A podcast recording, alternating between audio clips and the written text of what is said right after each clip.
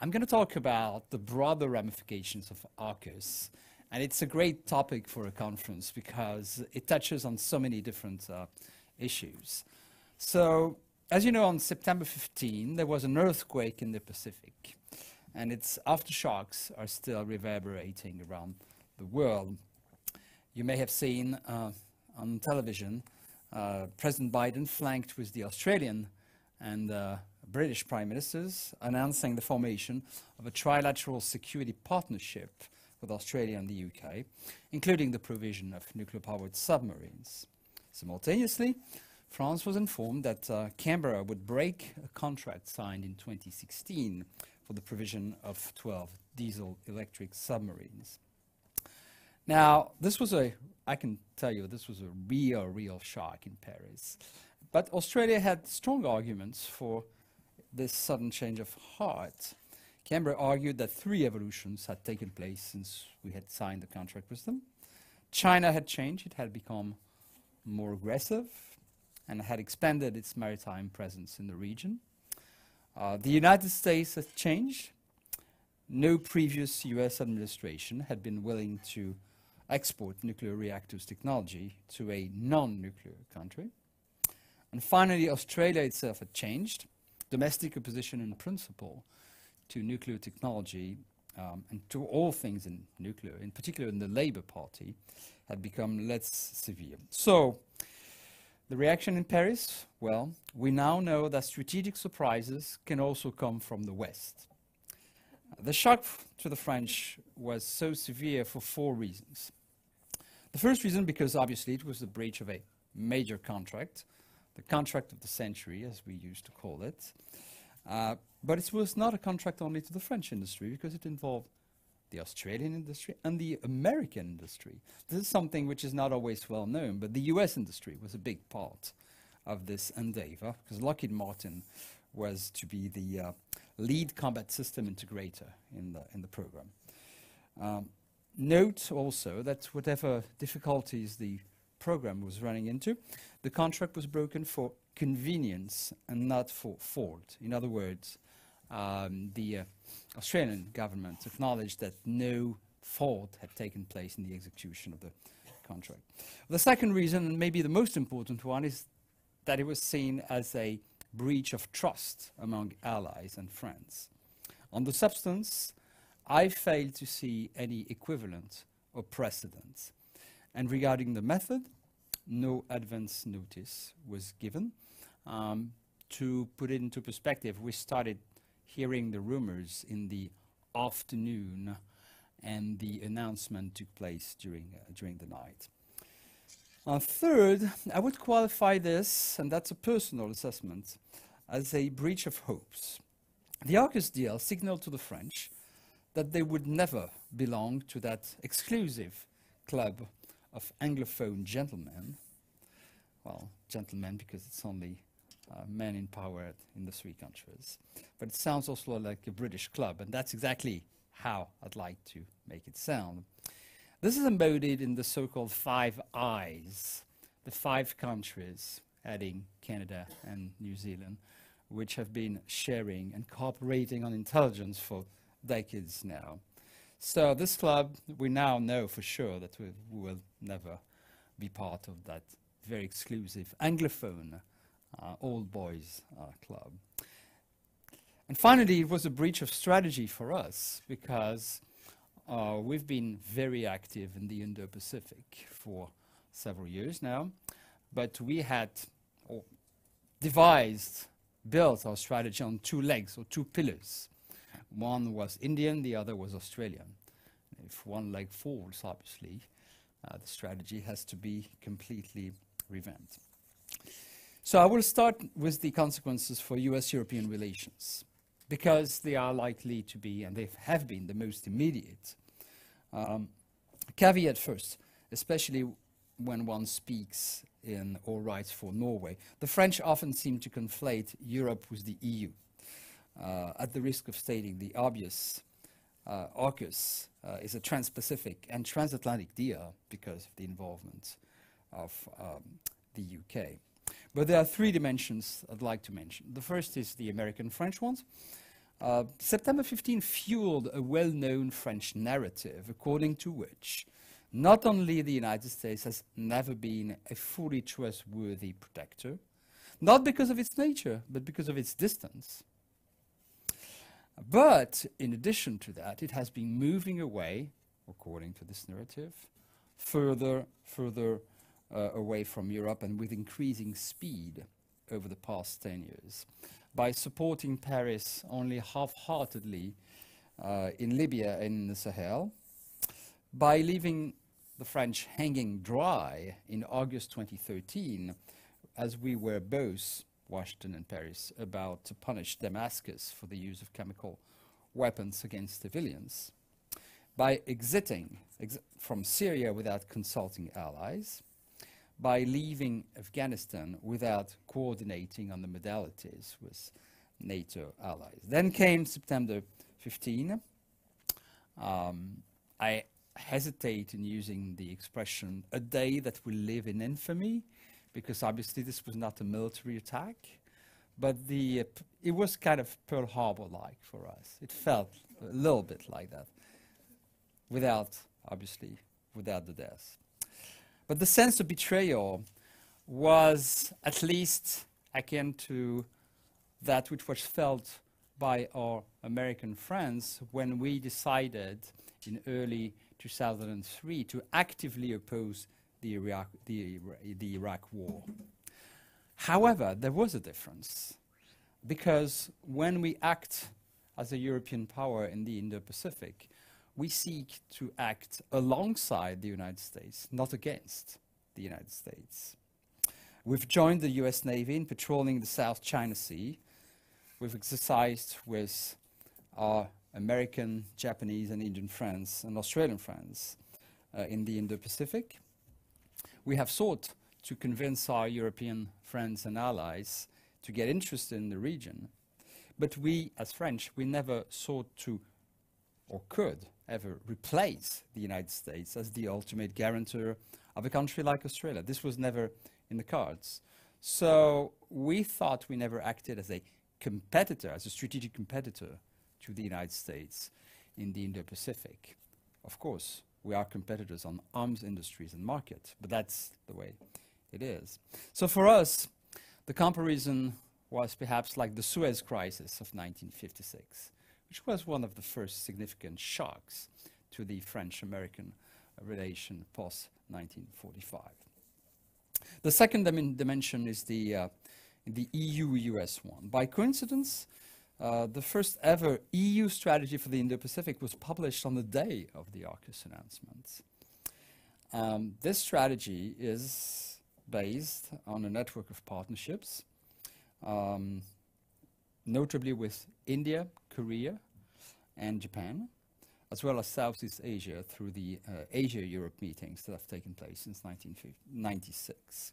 It recognizes, the EU strategy recognizes major European interests there, given ever-increasing transcontinental interdependence in economics and security, as well as the recognition of the need to protect global commons and uphold international legal norms, first and foremost, of course, the freedom of um, navigation.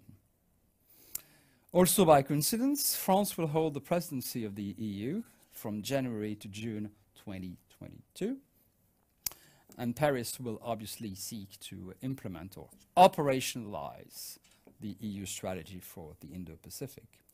Now, given the strong reactions to the AUKUS deal in Brussels and to some extent in Berlin, uh, one should expect questions being raised during the French presidency about how much we should, we should be more independent from Washington when protecting our own European interests in the region. And I think that more generally, the French, unsurprisingly, will double down on their rhetoric for the need to, for the need for more strategic autonomy.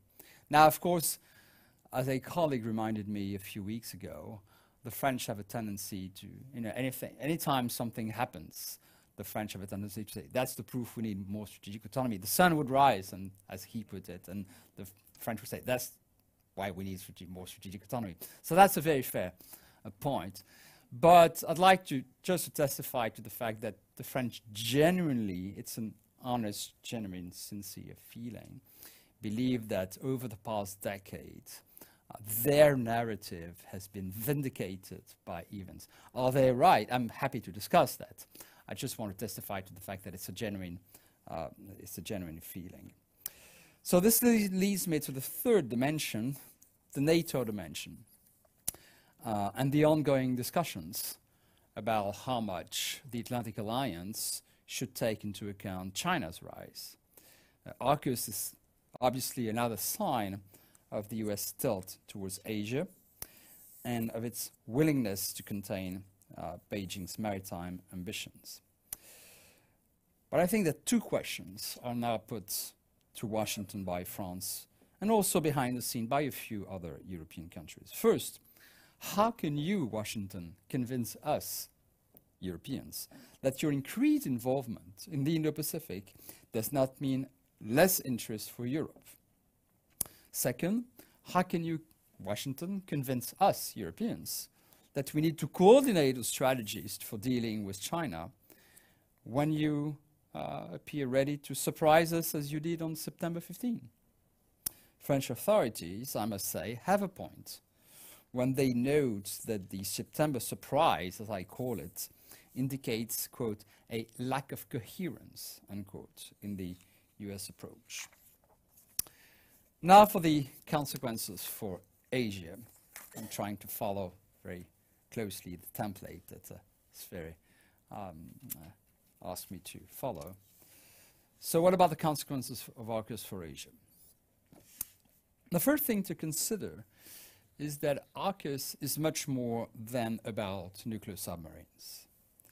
It is, once again, an enhanced trilateral security partnership based on the foundation of existing alliances, US, UK, US, Australia. Its actual focus is more technology sharing and cooperation than the provision of nuclear submarines. Namely, deeper, and I'm quoting the uh, announcement, deeper information and technology sharing, deeper integration of security and defense related science, technology, industrial bases, and supply chains.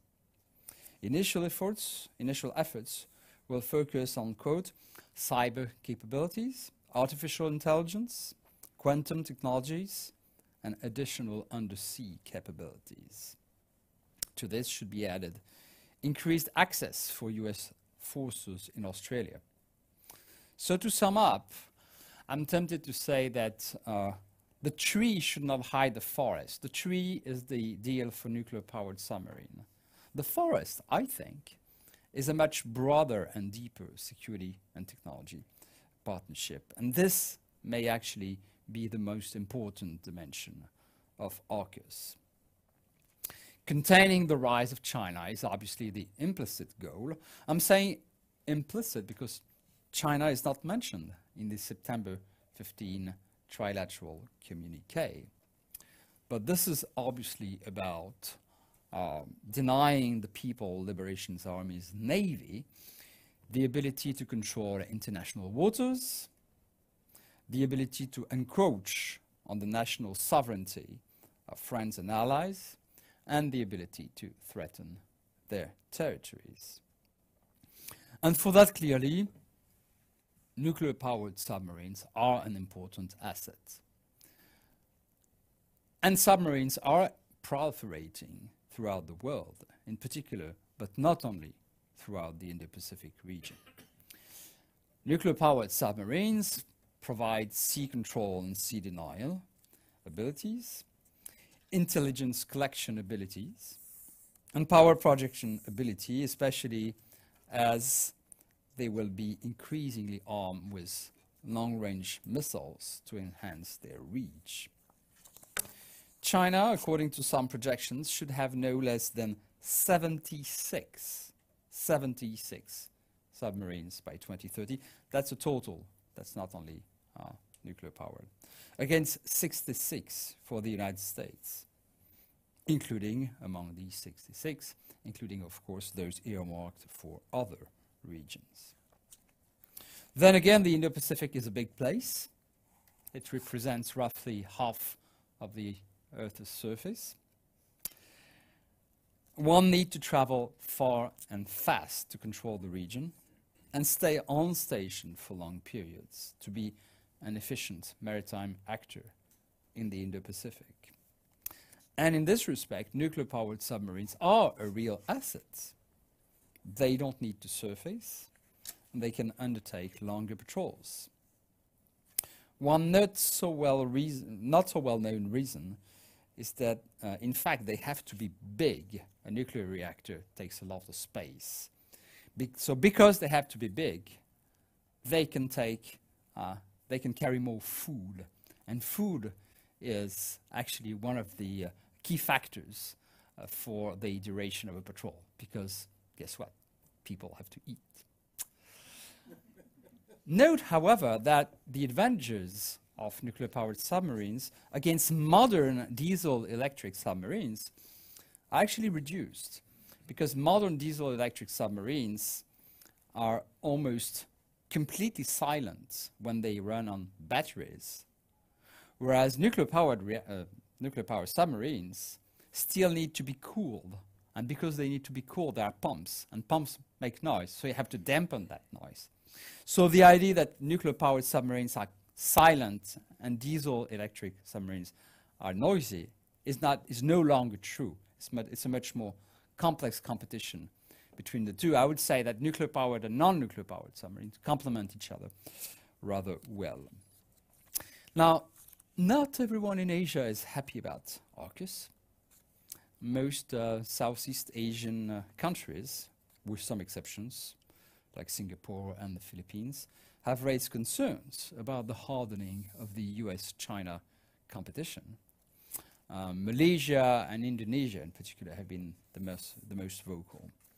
And they fear, just like many of us in Europe do, they fear that we may be forced by the United States to choose sides in a US-China competition.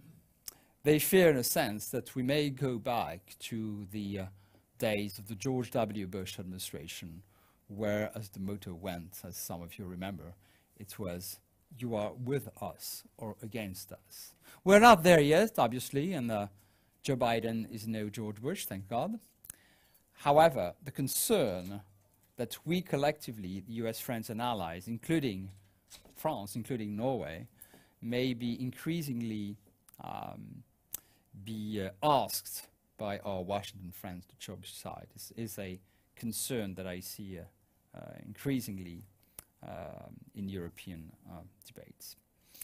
Let me tackle now the consequences for non-proliferation, an issue that uh, Sverre and I have worked a lot over the years. Uh, so what are the consequences for the nuclear non-proliferation regime? As many of you know, US and British nuclear-powered submarines run on highly enriched uranium, which, as is well known, uh, is one of the materials that can be used to make atomic bombs. Now, their French counterparts or equivalent run on low enriched uranium, or have been running on LEU, low enriched uranium, since the 80s. Uh, the reason for using HEU, highly enriched uranium, is that it makes for lifetime cores. You don't need to replenish, to refuel the reactor. You can use the same reactor as a black box, so to say, during the entire service life of the submarine. LEU reactors, such as the French ones, or the Chinese one, uh, have to be refueled at least once, if not twice, during their lifetime, roughly once every 10 or 15 years. The US Navy and the US National Nuclear Security Administration claim that transitioning to LEU, transitioning to low enriched uranium, would be lengthy, would take about 15 years, would be extremely costly, and would also result in degraded performances. Proponents of the move, because there are many American analysts and officials who think that it would be a good thing for the US to move to LEU, They note that the United States will soon need to resume HEU production for the first time since 1992, which would not be a good sign for non-proliferation and disarmament. And they also claim that new generation LEU reactors could actually have lifetime cores. So this has been the highly enriched uranium problem for nuclear propulsion has been a question since the inception of the nuclear non-proliferation regime. The International Atomic Energy Agency, the IAEA, could hardly enter a submarine to check for the contents of the reactor, especially since uh, the setup of the propulsion system, notably the way the turbines are made as silent as possible, are among the most closely guarded secrets of uh, submarine builders. Just to give you an example, uh, the French and the Americans do not allow each other to get into the rear part of the submarine. We visit each other's submarines, of course, but uh, as far as I know, we don't allow our American friends to get into the rear part of the submarine, and they don't allow us to get into the rear part of the submarine. It's like the holy of holies, so to say. So as a result, there has been, uh, for a long time, a loophole, as they call it, in the safeguards regime. A, non, uh, a nuclear non-proliferation treaty signatory, a non-nuclear NPT signatory, is allowed to, I mean, nuclear or non-nuclear, sorry. Uh, an NPT signatory is allowed to withdraw HEU from its stocks for use in naval propulsion. IAEA Director Rafael Grossi stated on September 29th that, quote, we with Australia, with the United States and the United Kingdom, have to enter into a very complex technical negotiation to see to it that as a result of this, this being AUKUS, there is no weakening of the nuclear non-proliferation regime. So a concern being raised already by uh, Rafael Grossi. Because the promised nuclear submarine deal is a first. So far, no nuclear, no non-nuclear armed country has ever possessed a nuclear-powered submarine. Although Brazil uh, plans to commission one around 2030. Brazil, a non-nuclear country, is actually building nuclear-powered submarine. It's, they're not operational yet, but the first one should be operational around um, 2030. Uh, which means, by the way, that uh, it will be the first because Australia will, will not have nuclear-powered submarines by 2030, that's for sure. Uh, in fact, I think Australia traded uh, sovereignty for capability, but I'll, as I will say in a few minutes, I'm not, I'm not sure it will have either. Um, most importantly, and this is where the taboo has been broken, so to say, uh, no nuclear power has ever transferred nuclear propulsion technology to a non-nuclear power, especially one like Australia, which has no nuclear, civilian nuclear program. So in fact, I mean, if you look at this from a theoretical standpoint, there are four possible nuclear ex uh, exports paths for nuclear propulsion by a nuclear weapon state. The first is to another nuclear weapon state, that is like the United States to the United Kingdom. The second path is from a nuclear weapon state to a de facto nuclear weapon state, such as India. This is what happened when Russia leased uh, a nuclear submarine to uh, a nuclear proper powered submarine to, uh, to India.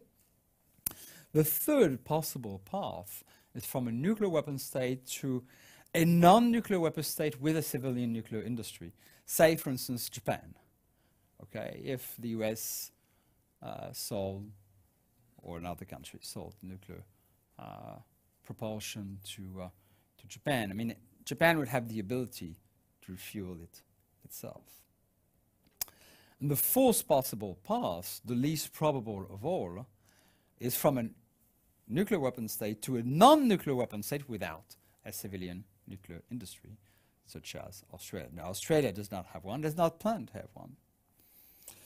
So here's my contention. Um, despite the fact that HEU, highly enriched uranium, can be used to make nuclear bombs, uh, it actually makes more sense to provide HEU fuel reactors to Australia than to sell them LEU fuel reactors. It's quite a paradoxical. What I'm saying here is that in some respect, I think the US choice and the US transfer to Australia, if and when it happens, may be more less, sorry, maybe less a problem for the nuclear non-proliferation regime because an HEU reactor has a lifetime core. So it can be a black box which is never open by the country which actually uh, operates the nuclear submarines.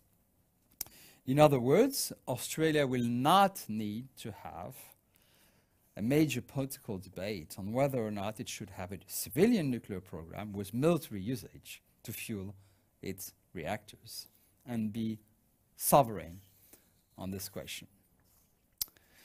And in fact, let me be a bit provocative about that question of uh, repercussions on the nuclear non-proliferation regime.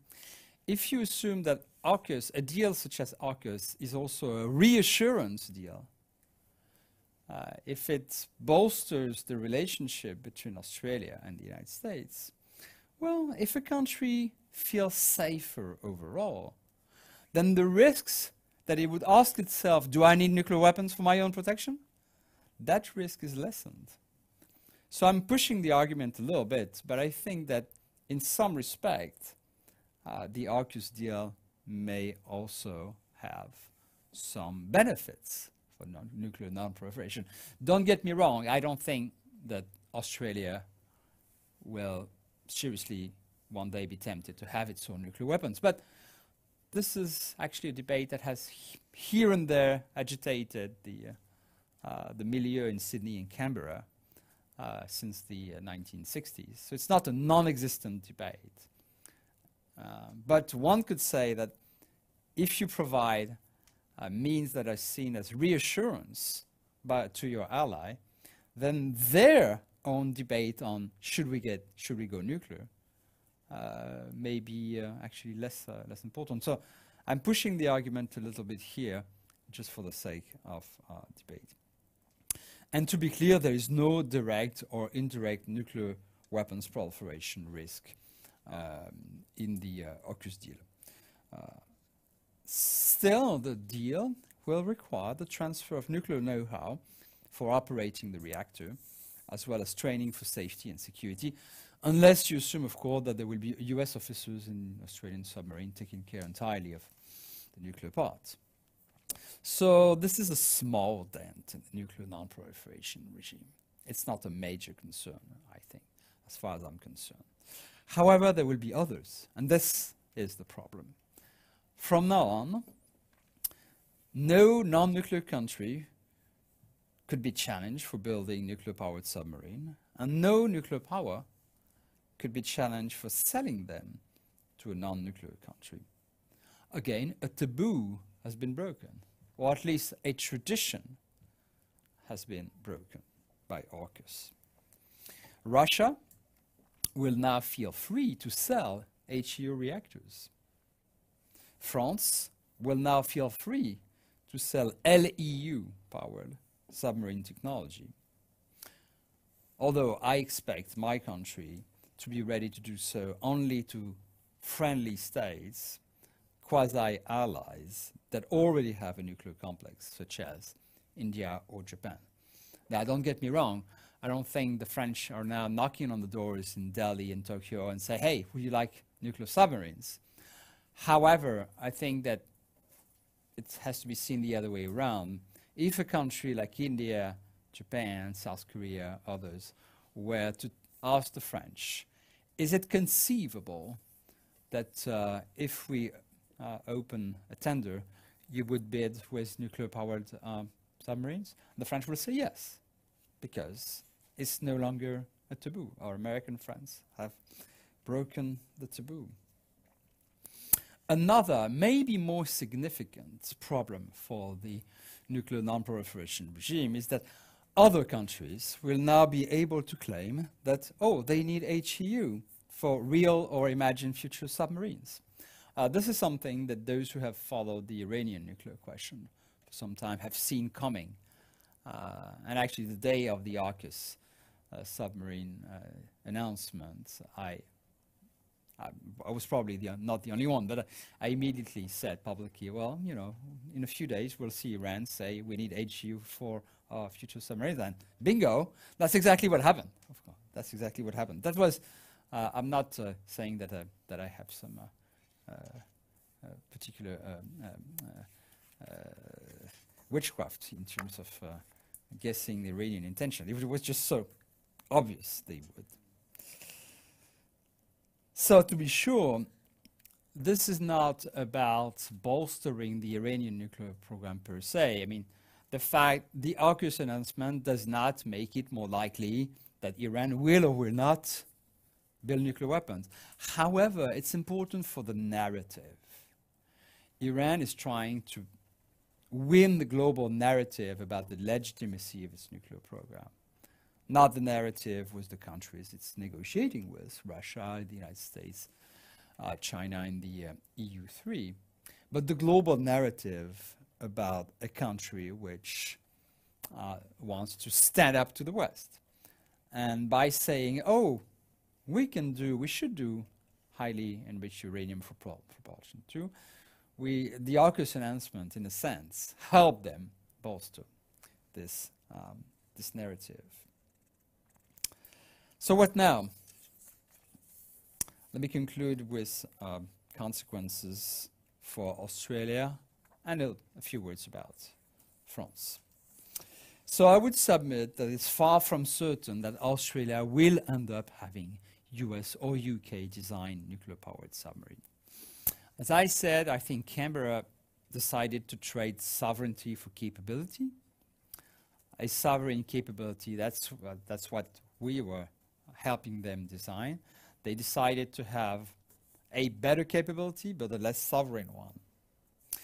And we in France thought that Australia wanted to be more France-like. It turned out that they wanted to be more British-like. However, the AUKUS deal also means that will, they will have to wait for another decade, um, another decade. In addition, I mean, uh, the French-Australian submarines were supposed to uh, uh, be completed. The first was to be completed in the, uh, in the end of the 2020s. Now, there is no way the Australians can get a nuclear-powered submarine before the end of the 2030s. So they're losing another decade to get the first of their at least eight modern nuclear-powered submarine. It's not yet certain that they will be built in Australia. Even less so, there will be service there. Uh, you don't service a nuclear reactor ashore at pierside uh, easily. Uh, there are constraints of safety, security, there are legal responsibility constraints. So some say now that maybe there will be service in Guam, which is US territory. And in fact, one wonders, will they have them at all? The deal will have to go through significant political obstacles in Washington. US legislation, Congress legislation, will have to be modified. Perhaps also in Canberra, elections are scheduled to take place uh, in Australia in the spring. Uh, while the potential cost of US submarines, which are approximately three times more expensive uh, per unit than the French, the French ones, will also be discussed. And Australia will have to make a major recruitment effort for, for nuclear trained officers and technicians, failing what, of course, once again, or they can make the choice to have British or American officers on board their own submarines.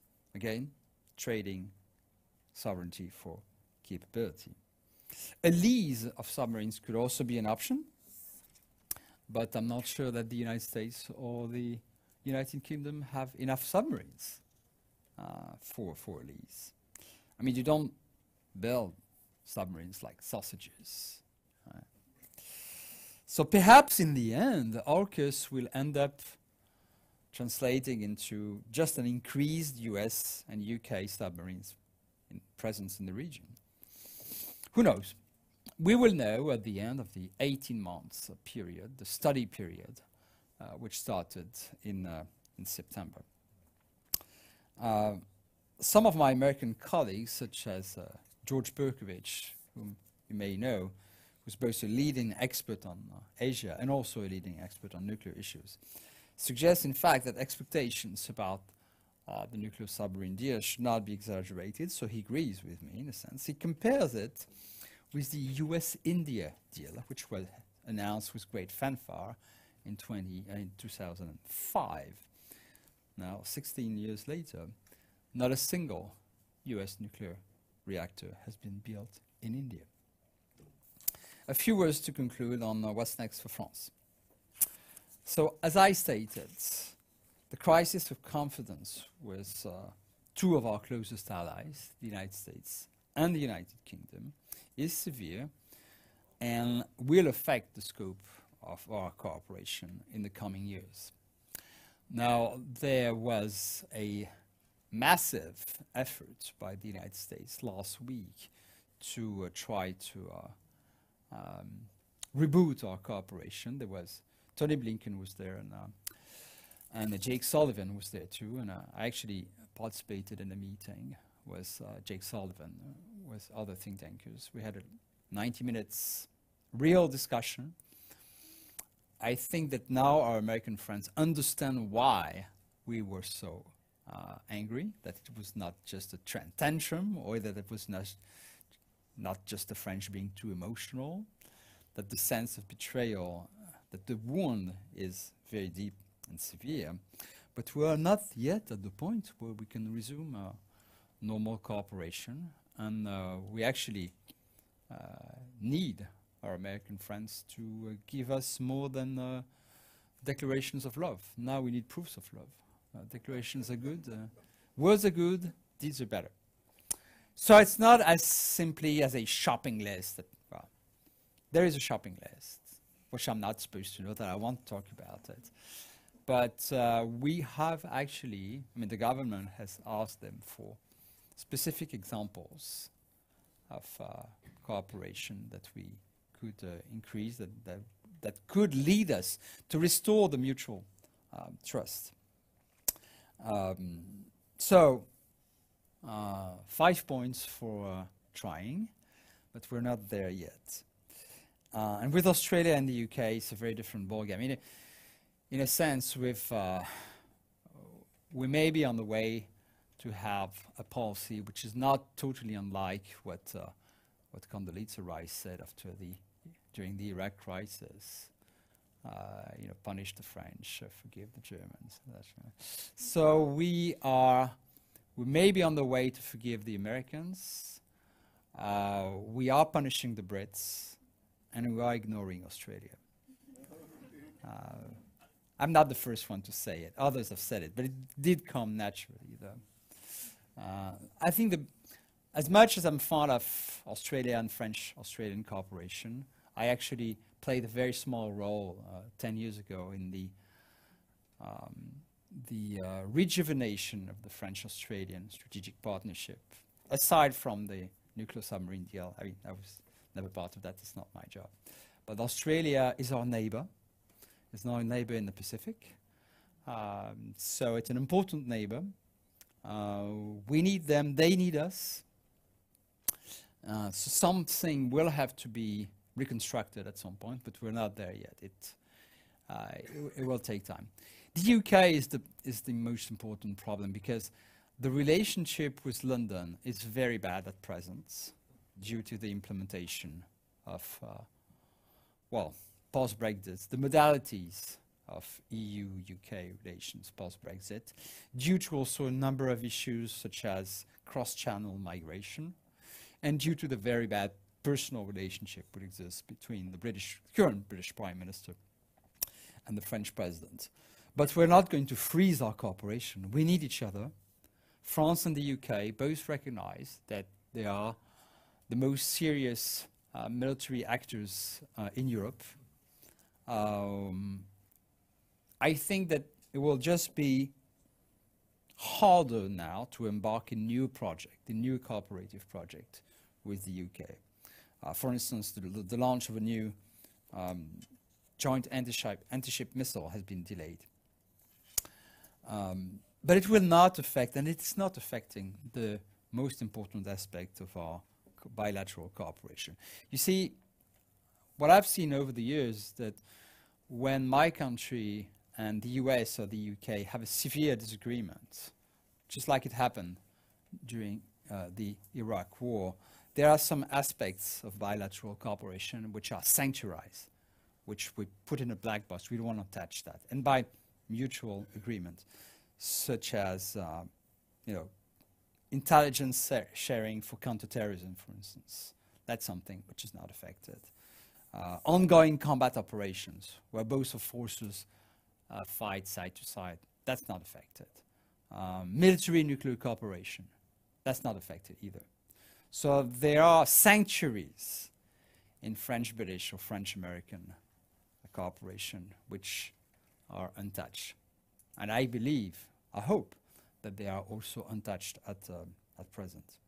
So the French welcome the reaffirmation by President Biden that European defense is not a threat to NATO, as stated in the joint Biden-Macron communique of September 22nd. 20, the United States, quote, recognizes the importance of a stronger and more capable European defense that contributes positively to transatlantic and global security and is complementary to NATO. Now, this is not the first time the US says this, but this, the reaffirmation by the president himself at this very moment was a good sign of uh, confidence building or reconciliation building by uh, Washington. However, our own French interests in the Indo-Pacific remain, and we will not uh, pivot back to Europe uh, we will have to revamp our strategy in the region, possibly enhancing our partnerships with, uh, with India, with Japan, with some Asian countries, ASEAN countries. Uh, we will be more supportive of inclusive diplomacy uh, than, of, uh, than with uh, provocative behavior. Although to be clear, I don't think that we will try to find a middle ground between the US and China. Uh, we know to which camp we belong, but we would not like this camp to become a bloc. So the French, as you would expect, um, share many interests with the United States in the Indo-Pacific. Our ships actually operate sometimes together, in addition to the fact that they exercise together. Uh, but we don't want to be seen by Beijing and other countries in the region as being uh, blindly following Washington. So we will have to find some kind of balance between the need to clearly uh, uh, contain China's behavior, not contain China, but contain China's behavior in the region, uh, without blindly following the uh, United States. And we will try to persuade our European uh, friends and allies, such as uh, Germany or the Netherlands, which already acknowledge the need for Europe to be more present in the region, uh, notably for the defense, defense of common, uh, uh, common goods, to, to be more present in the region.